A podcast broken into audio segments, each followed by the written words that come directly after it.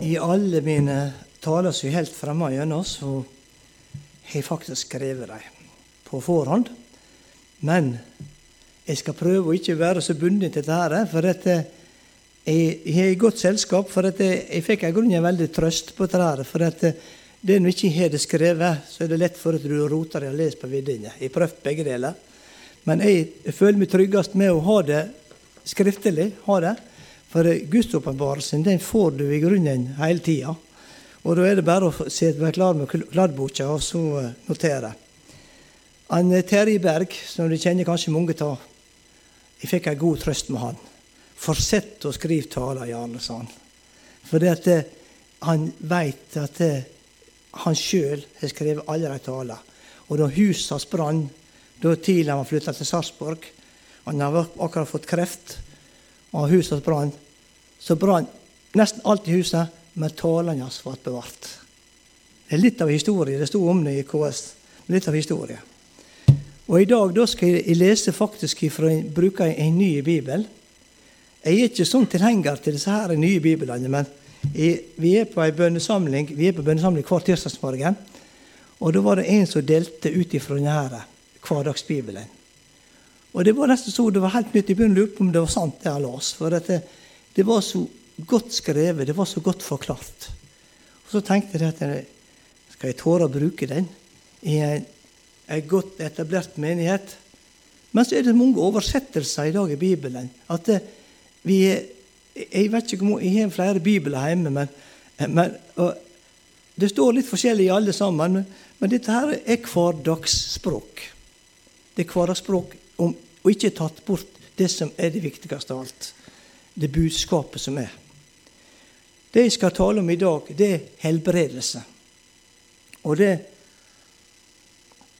sier seg sjøl det blir prøvd da, iallfall. At det stemmer hun vært prøvd.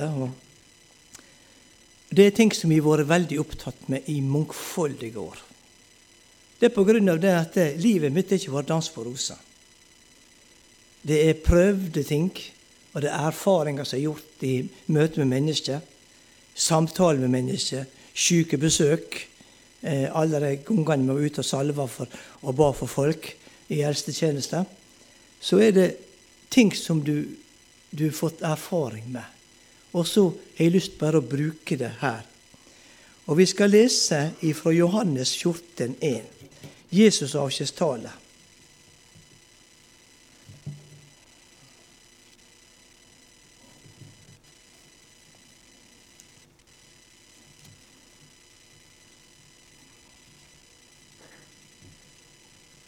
Og til og med vers 14. La ikke hjertet bli grepet av frykt. Tro på Gud og tro på meg. Når går til, når, nå går jeg til Gud, min Far i himmelen, og forbereder en plass for dere. I Hans hus er det mange rom, og når jeg er ferdig med å forberede plassene for dere, vil jeg komme tilbake for å hente dere. For dere skal være der jeg er. Dere vet jo hvor jeg går, og hvordan dere skal komme dit. Thomas sa til ham, Herre, vi vet ikke hvor du går, så hvordan kan vi vite veien dit? Jesus svarte, tro på meg, jeg er veien, sannheten og livet. Ingen kommer til Gud, min Far, uten å gå gjennom meg. For ved å bli kjent med meg, blir dere også kjent med min Gud min far. Egentlig har jeg allerede gjennom meg fått sett hvordan Gud er. Så nå kan dere kjenne Gud også. Da spurte Philip, ja, Herre Jesus, kan du vise oss Gud? Det er virkelig gitt oss all den overbevisning vi trenger. Det ville virkelig gitt oss all den overbevisning vi trenger. Vi skal stoppe der. Og så skal vi lese fra 1. Korinterbrev 12 til kapittelet. Og vers 4 til 11. Det er forskjellige nådegaver, åndelige gaver, det er overskriften her. Det finnes mange forskjellige nådegaver, men de kommer alle fra Guds ånd. Slik finner det også mange forskjellige tjenester i Guds rike, men det finnes bare én Herre Selv om vi utfører forskjellige slags oppgaver gjennom Åndens kraft, er den samme Gud som virker i oss, uavhengig av hva slags oppgave vi har. Husk at det finnes bare én Gud, og at det er Han som virket i alle menneskers liv. Han lar Ånden åpenbare seg for hvert enkelt, slik hver enkelt trenger det. Disse evnene og oppgavene som Gud gir oss, kaller vi for nådegaver, og alle nådegavene ble gitt av én og samme ånd. Noen har fått evnen ved Guds ånd til å tale visdomsånd for Gud. Andre får hjelp av ånden til å gi spesiell kunnskap. Noen er kanskje i en situasjon der de trenger en sterk tro. Det kan også de få fra Guds ånd. Andre har fått nådegaven til å helbrede mennesker ved Guds ånd. Og noen har fått kraften til å utføre mirakler. Noen har fått gaven til å profetere. Andre til å avsløre onde ånder. Noen har fått gaven til å tale i forskjellige språk ved Guds ånd, mens andre har fått gaven til å tyde hva som blir sagt. Alle disse forskjellige nådegavene blir gitt av Guds ånd, og Ånden deler ut gaven til hvert enkelt slik han vil. Vi tror og mener at vi alle har disse her gavene iblant oss. Og det er bare å tørre å ta det i bruk.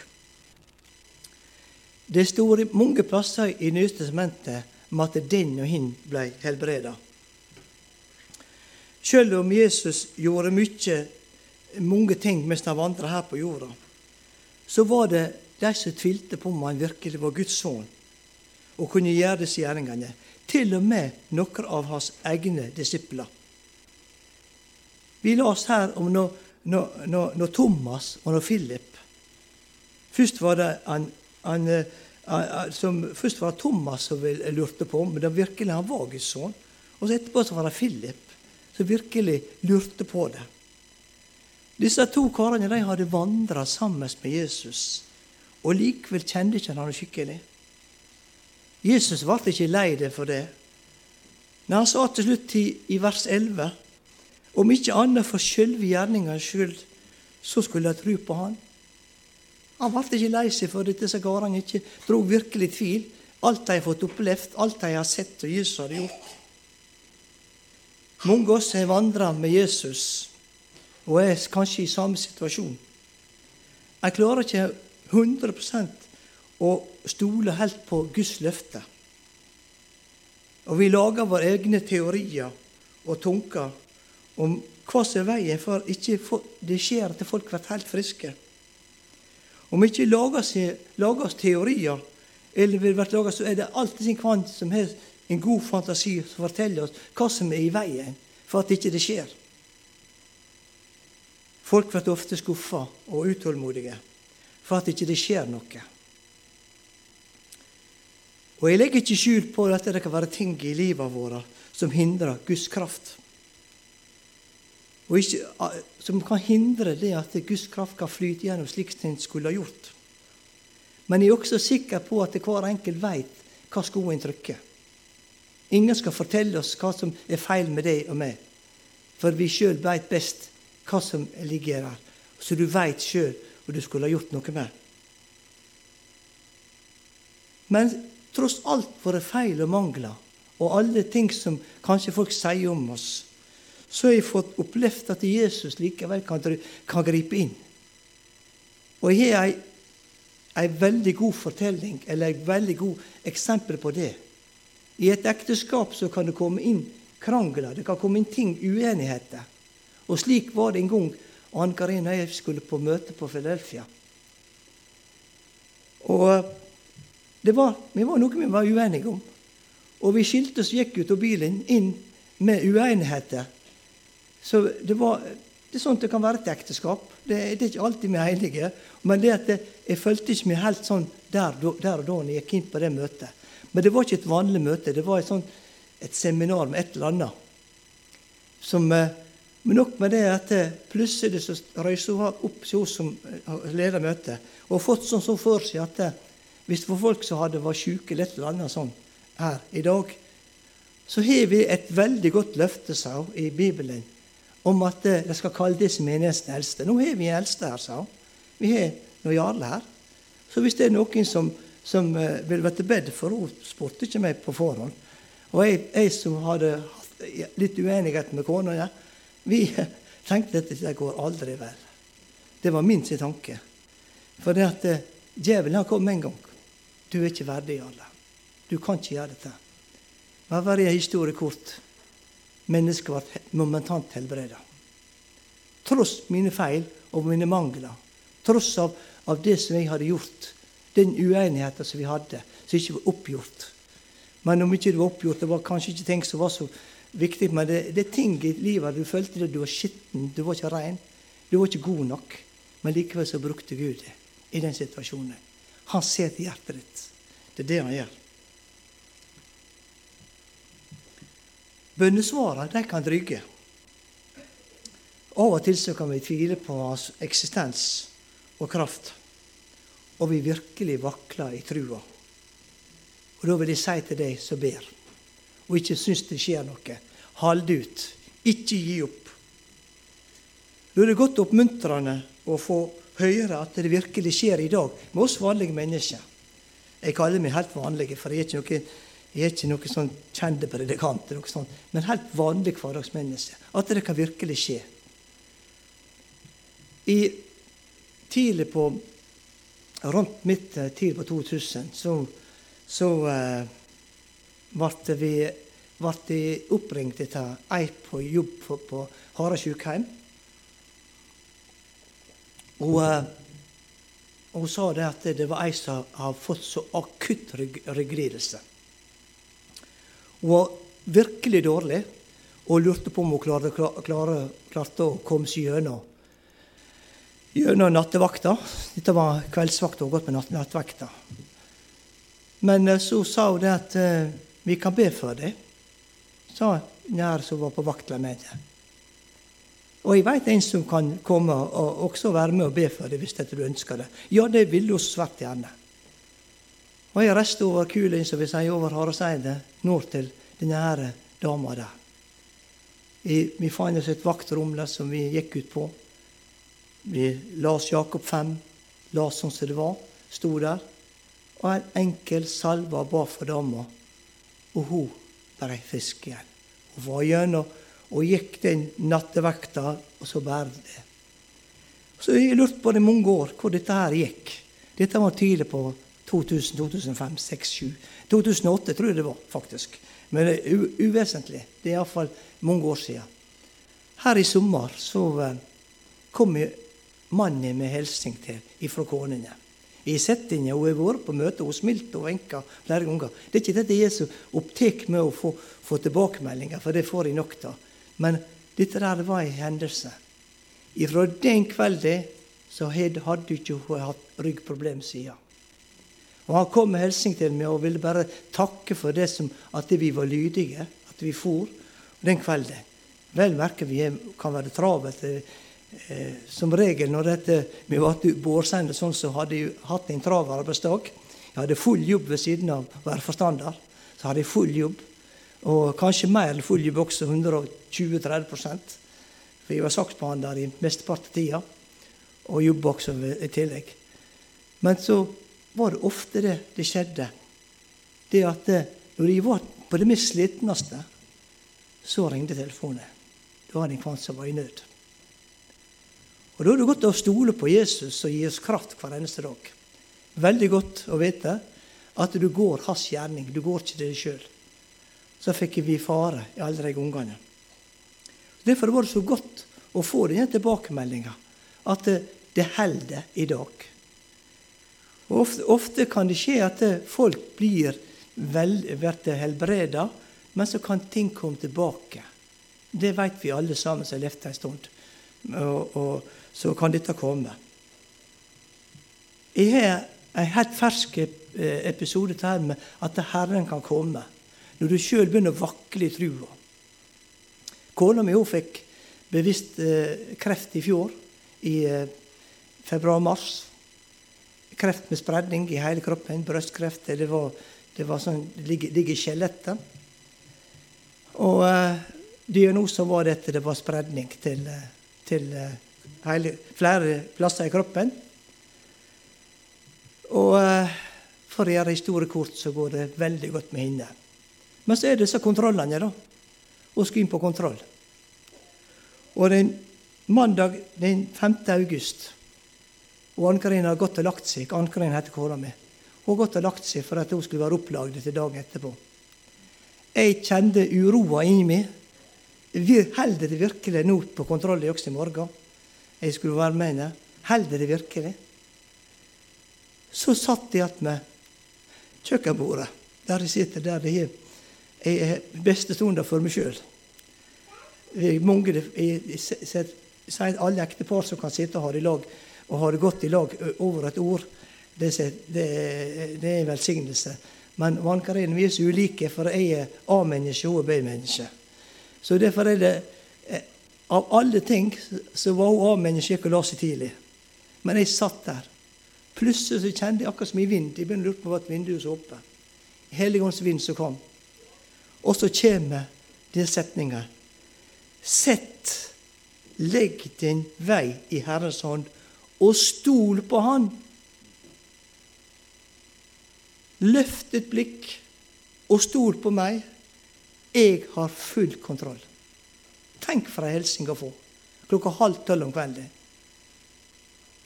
Uroligheter forsvant. Jeg tenkte ja, Jesus, du er full kontroll. Jeg veit du er full kontroll. La meg få se det. la meg få se det. Og jeg veit at i morgen skal det gå godt. Det gikk godt.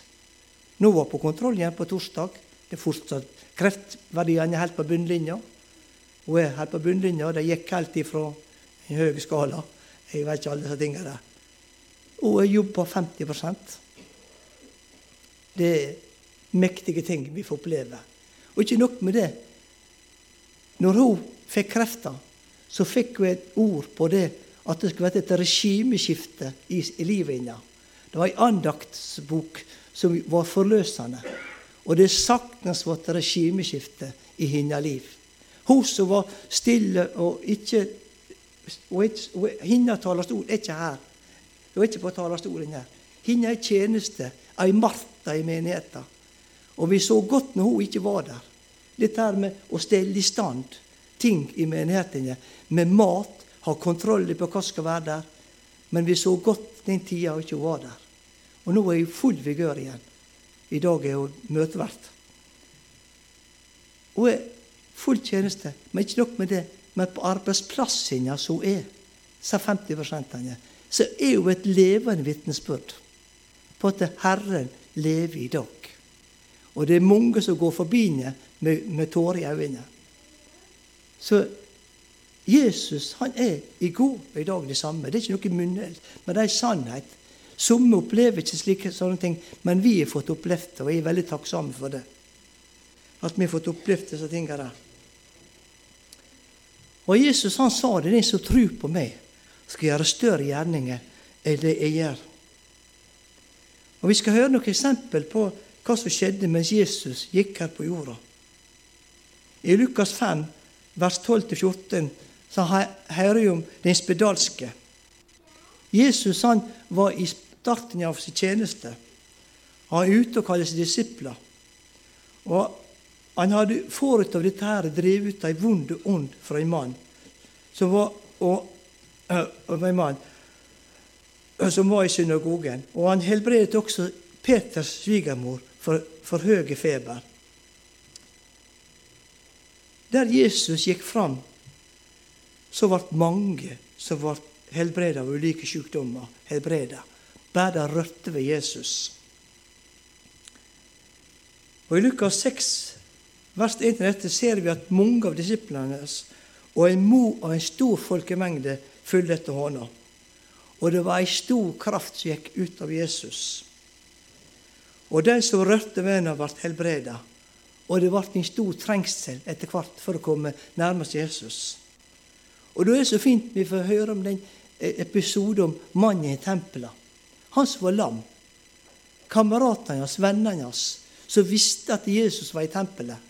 Men en så stor folkemengde var der. At de gjorde ikke mer før at de tok, ei bå, tok med båra, så gikk de på taket, og så peila de seg inn der som Jesus sto. Og vi veit hvor det gikk. Han fira ned båra rett framfor føttene til Jesus. Og så sier han dette, for en sånn stor tro dere har, så skal denne mannen bli helbreda. Og han ble helbreda. Men tenk for teamwork, kjære folk. For, for, for teamarbeid. Det var, ikke, det var, ikke, enkelt å bære ei båre opp på taket, og ikke enkelt var det å bryte fra taket heller. Men de jobba. Jeg hadde tro for det at Jesus kunne røre med den kameraten her som lå på den båra. Og vi skal lese ifra også en god, god episode fra Lukas 8 om kvinner. Eh, Lukas 8 skal vi lese.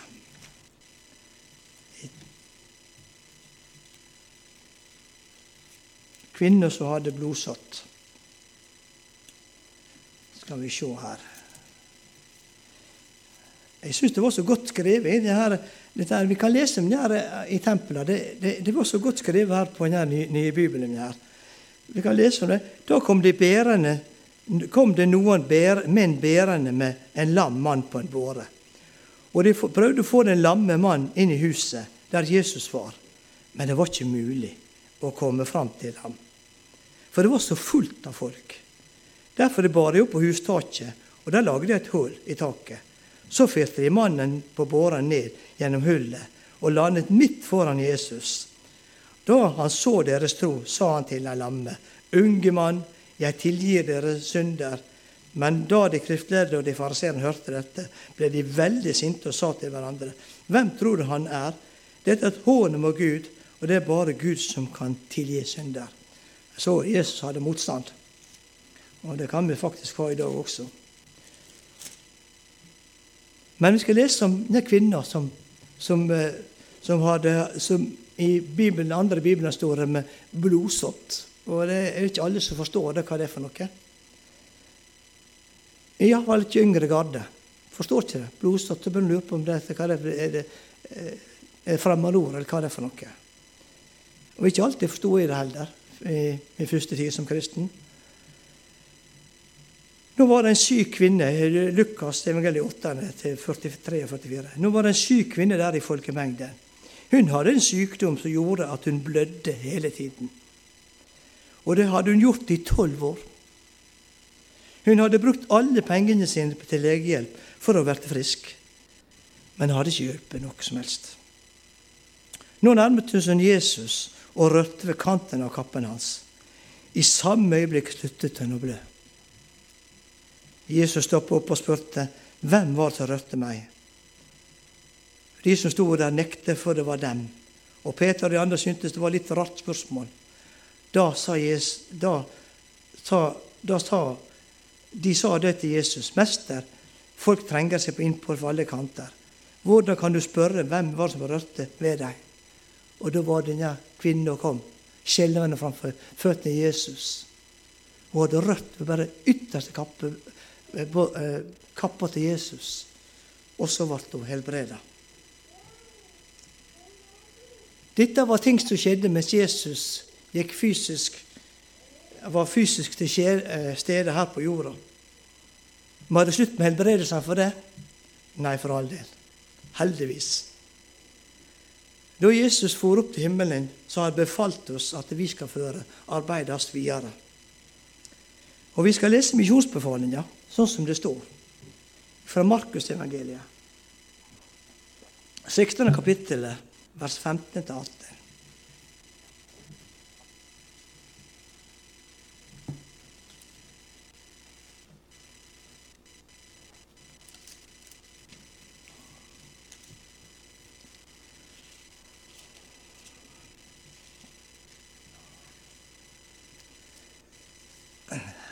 Skal vi se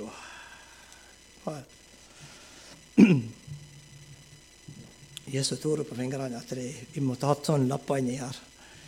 Jeg er veldig plaga med det. Det er sånn lettrikkersyndrom, tror jeg. ja, senere viste han seg for alle de ellevte, elleve disiplene mens de satt og spiste. Og han irettesatte dem for deres harde hjerter. For de ikke ville tro på dem som hadde sett ham, eller etter at han hadde oppstått. Så sa de til dem, Nå må de gå og fortelle dette til hele verden. Forkynn dette gode budskap for alle mennesker. For den som tror og blir døpt, skal bli frelst. Men den som ikke tror, skal bli dømt for sine synder. Og disse mirakuløse tegnene skal følge den som tror. De skal drive ut demoner i mitt navn, og de skal få et nytt bønnespråk, kalt tungetale. Om de må ta slanger eller drikke noe giftig, så skal de ikke skade, ta skade av det. Og når de legger hendene på syke mennesker, skal de bli friske. Tror vi på det? Tror vi virkelig at det går an? Sånn som det står. Og når de legger hendene på de syke mennesker, skal de bli friske. Vi alle veit, som har levd noen år, både med Gud, at det ikke alltid dette skjer. Det er ikke alltid det skjer, sånn, sånn som vi. Men skal vi slutte å legge hendene på syke for det? Nei. Vi skal ikke gjøre det. To gode eksempel for det to alminnelige karer. Det var Peter og Johannes. Tenk hvor mange ganger de har gått forbi denne lamme mannen attmed tempeldøra. Jesus som fyller seg gått forbi. Ja, mannen lå der, han. Jeg tror Jesus han hadde en hemmelighet. Disse to karene skulle oppleve noe som de aldri før opplevd. Og det var i begynnelsen av virksomheten deres. Det var apostlenes gjerninger. Det står om den lamme mannen som satt med tempeldøra. Deretter han satt og tigga for han skulle få til livets opphold. Og der Peter sier at 'sølv og gull har ikke vi, men det jeg har, det skal du få'. Og Da tok Jesus, Peter den mannen i handa og røste han opp. Han ble helbreda i det øyeblikket. Og vi veit at det, det, skjedde mange mirakuløse ting bare beskudding av, av når Peter Der Peter gikk forbi, så var det ikke bare fysisk tatt opp borti Peter, men han var også fullt av Guds ånd. Og vi hører ofte bare hører ofte dette, ja, Peter han falt og det det. Men vi hører hører ikke så ofte om dette alt Peter fikk gjøre. Alt han fikk være med på etter han, han, eh, at han ble møtt av Jesus, og Jesus tilga ham. Han visste, Jesus visste hva Peter kom til å gjøre, men han opplevde store ting. Blant annet dette Han visste ikke skudden hans. At folk, folk kom bort til skudden, så ble de helbreda. Kraftfulle gjerninger, kaller vi dette. Paulus var også en som opplevde mye på sine misjonsreiser og ellers der han var. Tenk at Paulus han, han var ikke en som utarma menighetene med, med, med at det, han skulle ha penger til for og ditt og datt. Og jeg tenkte ofte på mindre flokker som dette. Det er ikke alltid så enkelt. Jeg vet sjøl hvor dette er å drive menighet. Det er ikke alltid like enkelt. Og eh, de større navn etter predikantene, til mer penger skulle de ha. Men Paulus han var teltmaker av yrke, så han forsørga seg sjøl. Og det er der jeg er så glad for at jeg kan identifisere meg med Paulus. At jeg, jeg kunne hatt mitt yrke. Og også kunne også vært i tjeneste for Herren. Er ikke det? Jeg skulle ønsket at jeg mange ganger at jeg kunne fått rest mye mer gjort. Men valget mitt, som jeg sa, det var å ta meg av menigheten. Og ved Guds nåde så fikk vi lov å se at det stagnerte ikke. Det gikk fram. Og eh, det er ikke min ære. Det er Jesus sjøl alene som får være der iblant oss. Han, I Korint så var Paulus han hadde også selskap med to andre eh, teltmakere. Ekteparet Akvilas og Priscilla. Han var lenge i Korint. Han var i to år der. Over to år. Nei, ved Efesus. Han var over to år. Nå tar jeg feil. Men han var lenge faktisk på hver eneste plass han var så var han lenge på plasser etter plasser. Og han sa at liksom var kjent med folket. Og jeg tenkte på det, hvor mange som kom ikke på ned til arbeidsplasser av Paulus. For han forkynte i helgene. På sabbat så forkynte han. Og og Da det, skjedde det veldig mye på møtet om at hverdagen hans Paulus det, fikk han, det, står ikke skrevet noe plass om det, men jeg er sikker på at Paulus fikk oppleve veldig mye med at folk kom ned bare oppsøkte ham. Han var i to år i Efesus, og han brukte synagogen først der til å forkynne Guds ord. Men det ble, det ble ikke så populært, for det, at det, så han måtte flytte over til Tyrannes skole. Og da skjedde det veldig mye. Gud han gjorde store, uvanlige, kraftige mirakler gjennom Paulus. Vi skal lese fra apostelgjerninga 19.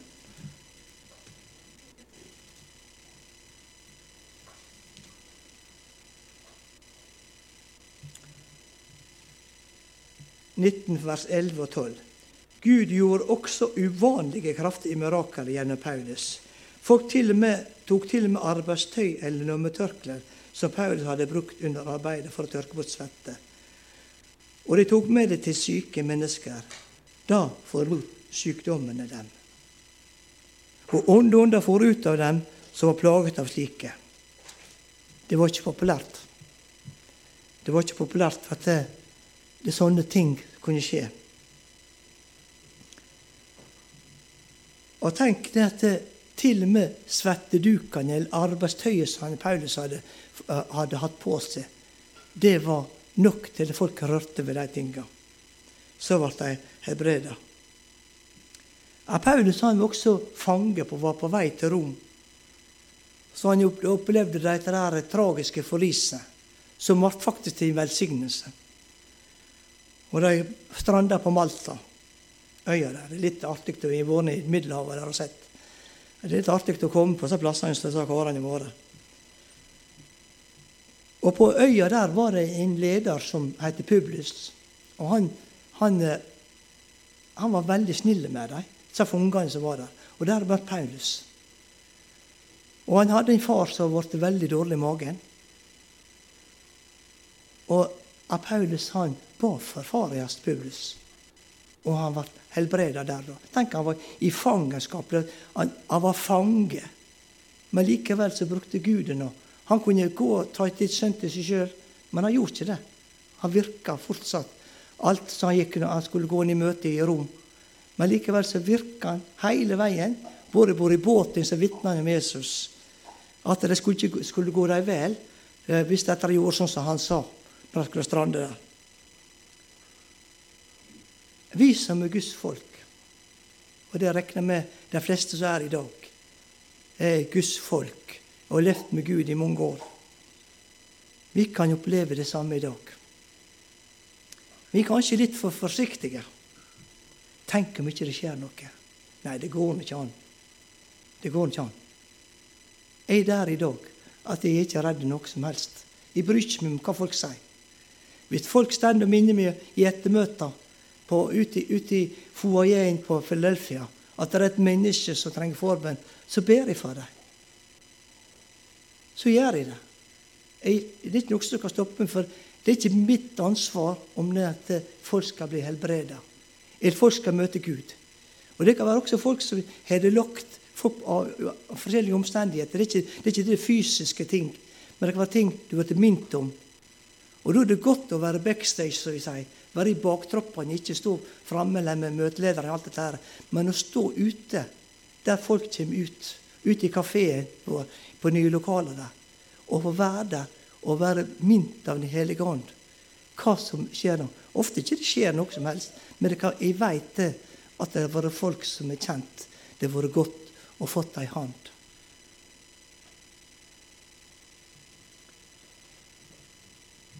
Det er mange som har denne nådegava til å be for syke. Men du hører ikke om dem. De ligger lavt i terrenget. De ligger veldig lavt i terrenget. og Det, det, er, ikke, det er ikke de som de, de framhever seg sjøl, men likevel så vet de at de har den nådegava til å be for folk.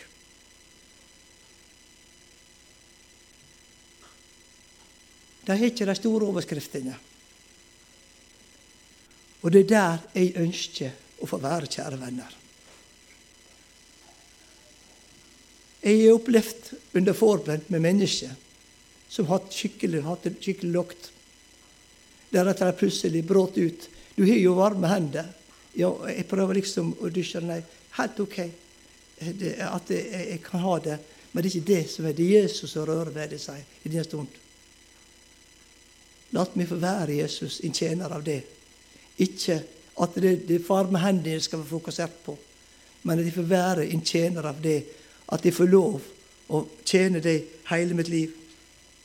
Jeg er ikke opptatt med hva folk opplever akkurat der og da, men jeg opplevde av et varig resultat.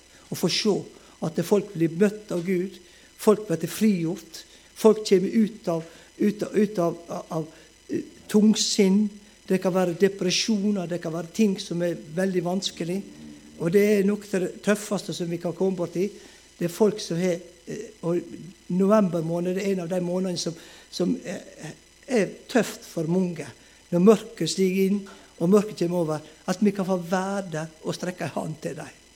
Og si at Jesus er glad i det. Jesus vil deg så vel. At det, Gi ikke opp, kjære venn, om dette har det slik. Det er mange som har reist land og strand for å oppsøke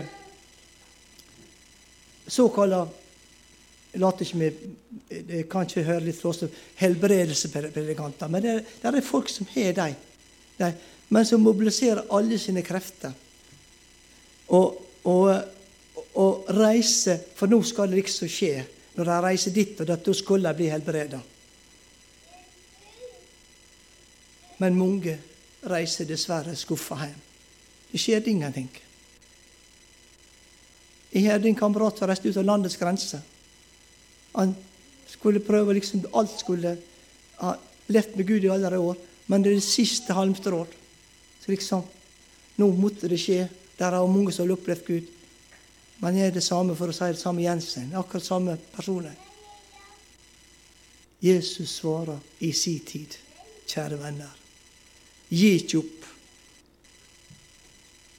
Trua vår har vært sett på prøve bokstavelig talt mange ganger. Men da vil jeg si gi ikke opp. Det er ikke sagt at du blir helbreda her på denne jorda. her. Du, blir, du får et nytt legeme i himmelen. Men du kan være til hjelp. Jeg vet mange som er lenka til sykesengene sine.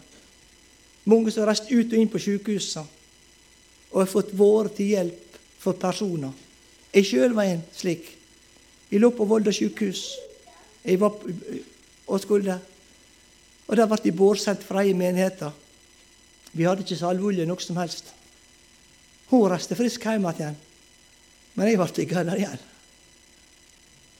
Men det er ikke dermed sagt at det, vi, det, Jesus han svarer og bruker oss når han, vi, vi, er villige til å bli latt oss brukte. Vi hører ofte disse her predikantene som reiser rundt omkring med video og alt det sammen. Jeg har vært på mange sånne møter. som det her, liksom De lager opp en stemning med kjørevideoer. og Det er ikke noe galt i det, men altså, jeg syns det ikke er rett. Der de, de sjøl ser at de står langt fram i fokuset. Der de ber for folk, og folk både dette og alt i hop sammen. Alt dette her.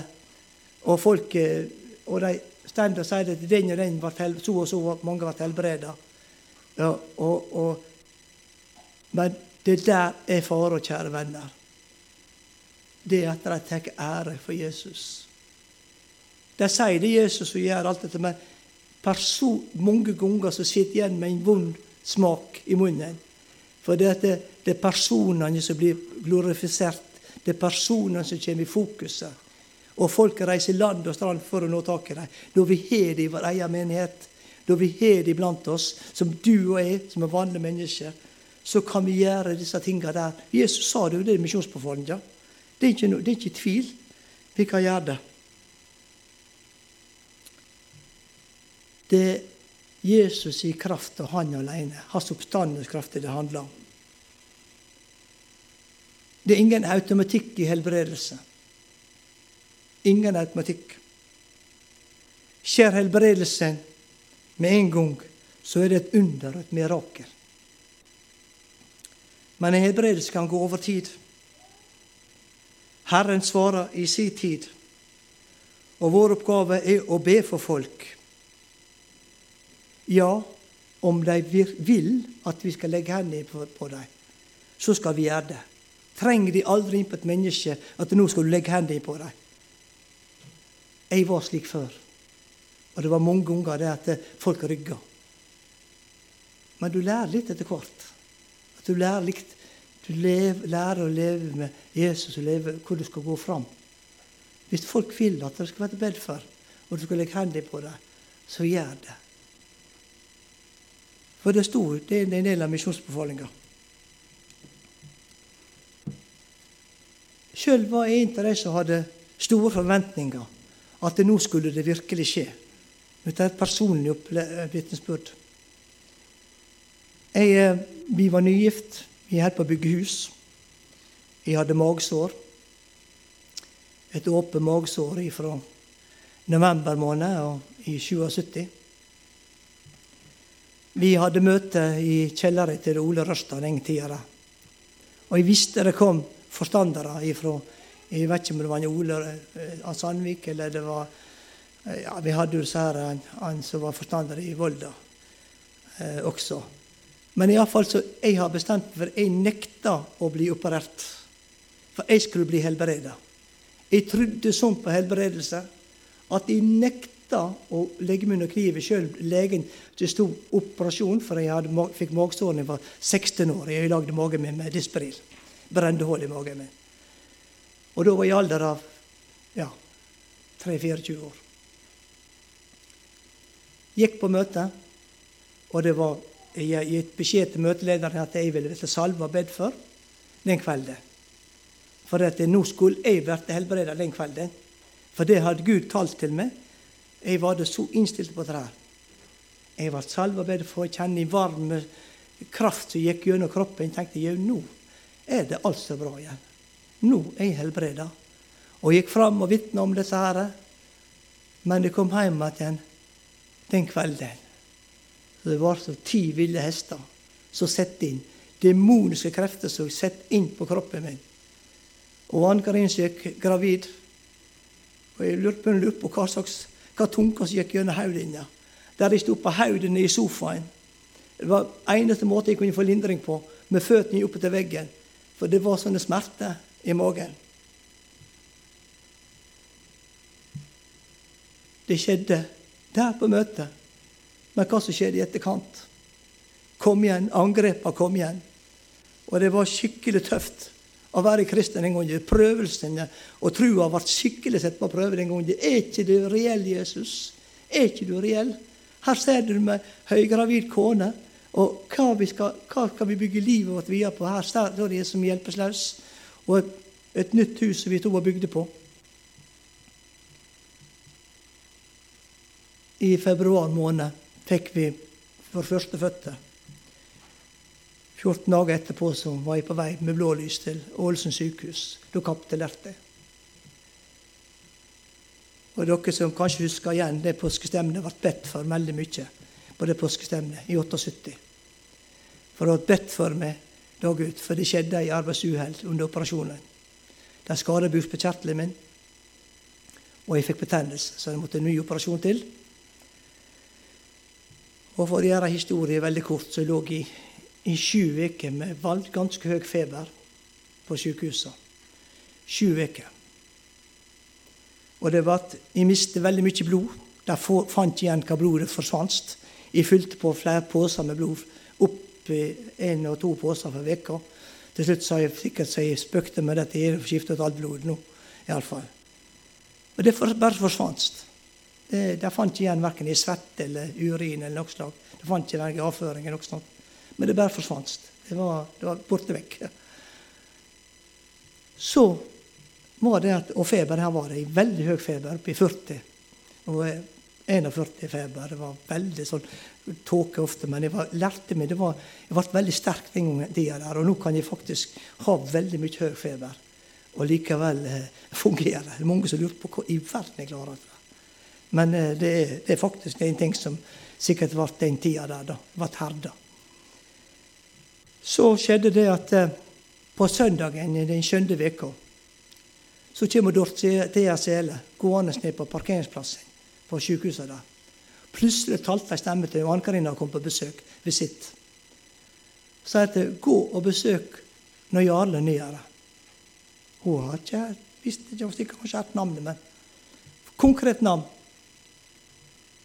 Vi gikk på vakta og fikk vite hva sted jeg lå.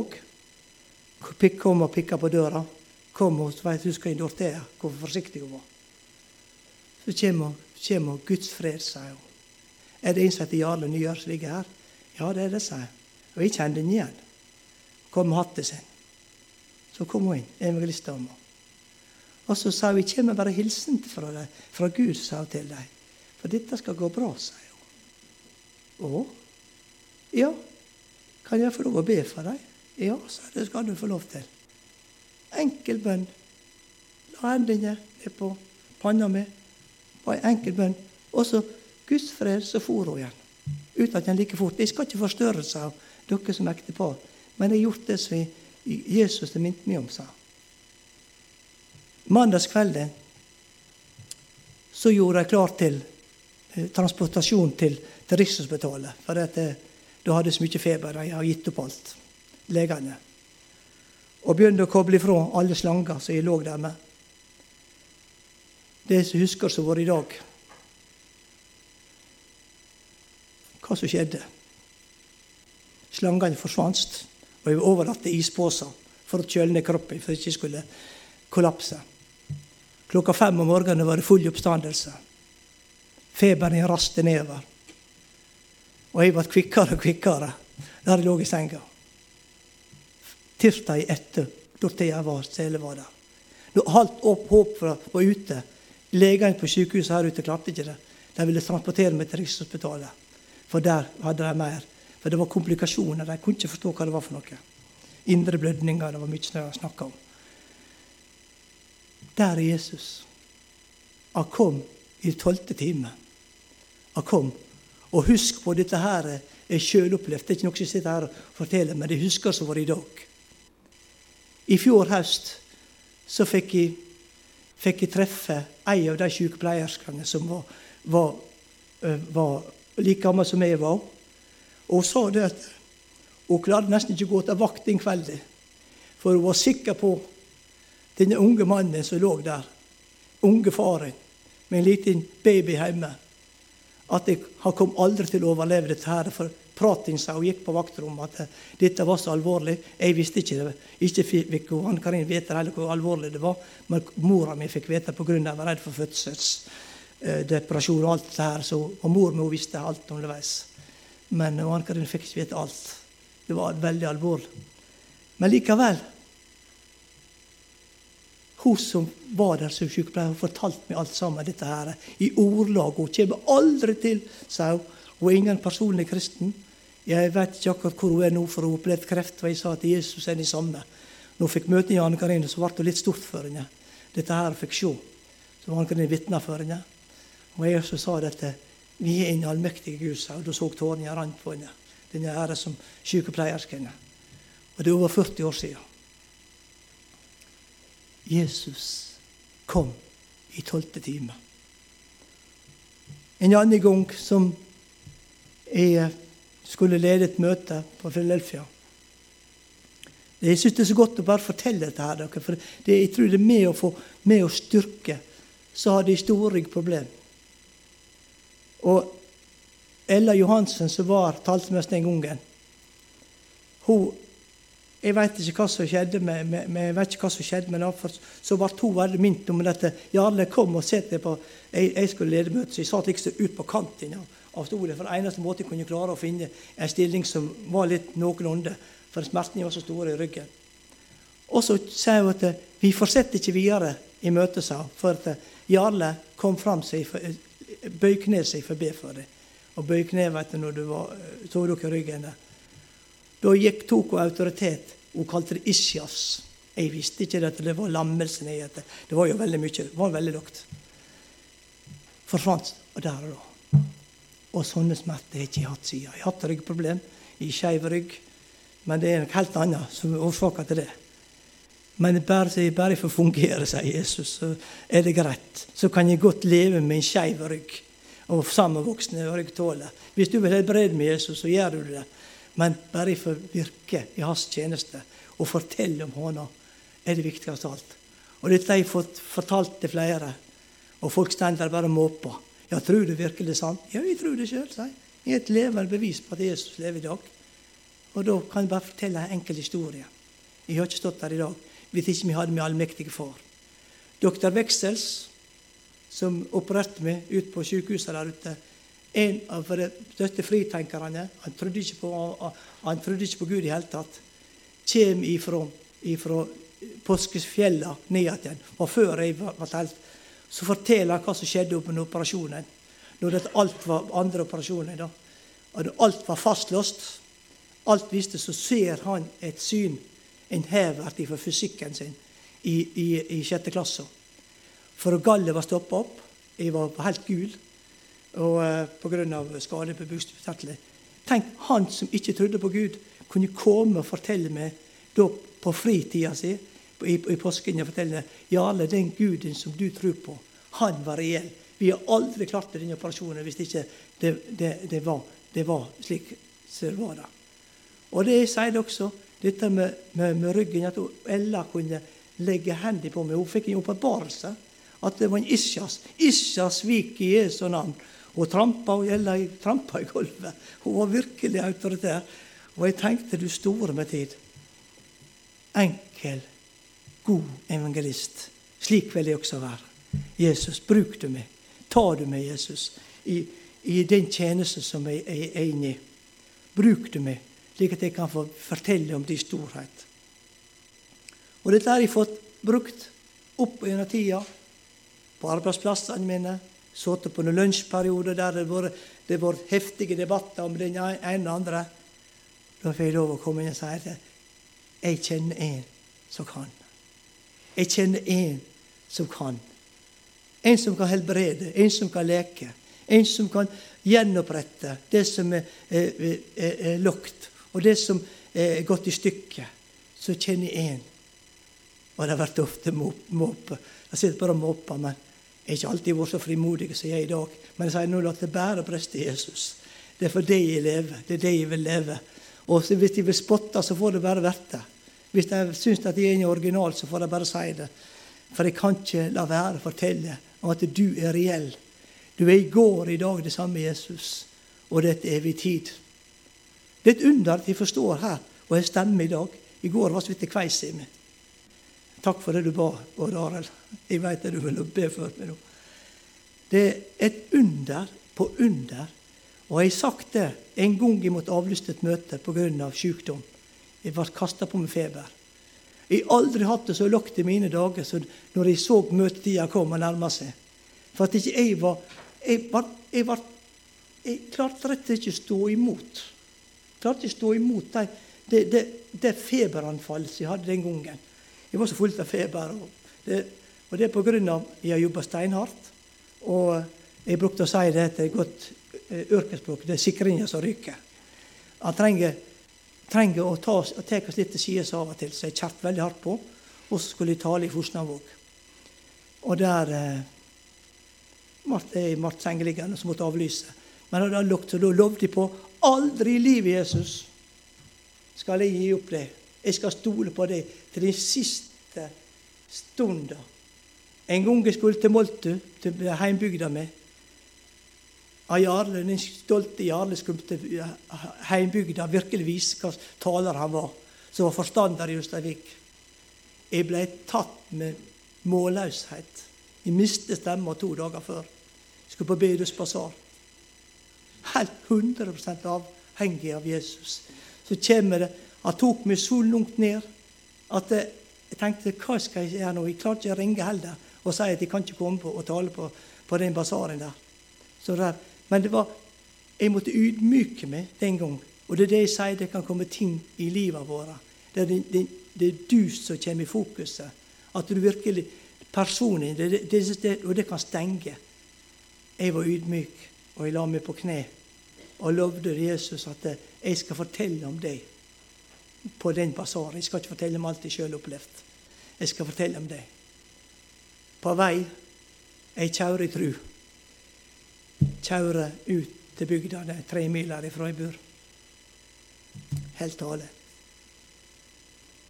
Og en gammel, god kristen kom og bekreftet han aldri hørt i utleggelse fra den, den, den sida. Jeg var, fikk ikke tid å forberede så mye, men jeg la utover det som jeg hadde opplevd av det som, det som, det som sto i Skrifta. og eh,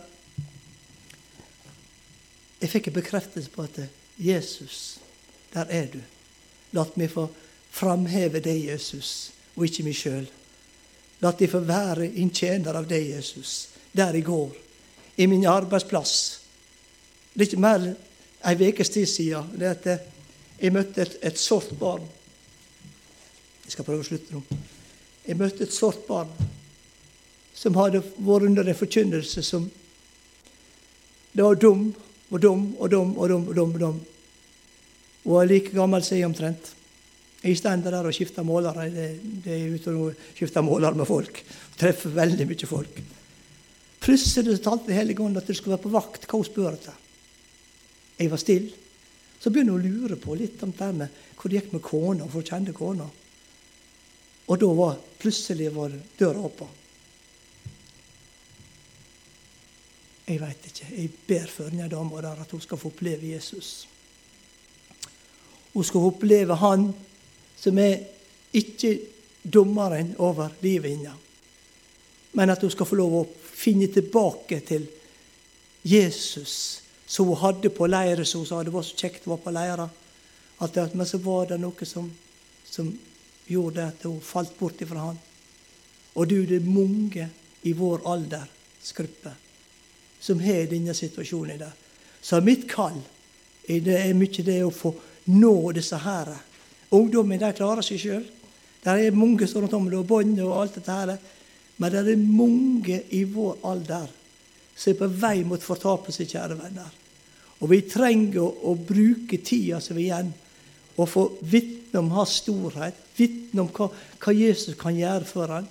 Og ikke minst at vi kan være medmennesker at vi kan gå på sida med dem. Bære byrdene som de har. Og så skal vi få se at Jesus han kan gripe inn i livet deres. Jeg er sikker på det. Og det, Da er det forskjellige arenaer, så du må, du, du må kanskje gå ned på deres nivå av og til. Men likevel, har du trua di rotfesta på Jesus, så skal nok det for å rikke deg. Du er tru på Han, du veit at han også kan gjøre større ting enn det som du kan gjøre.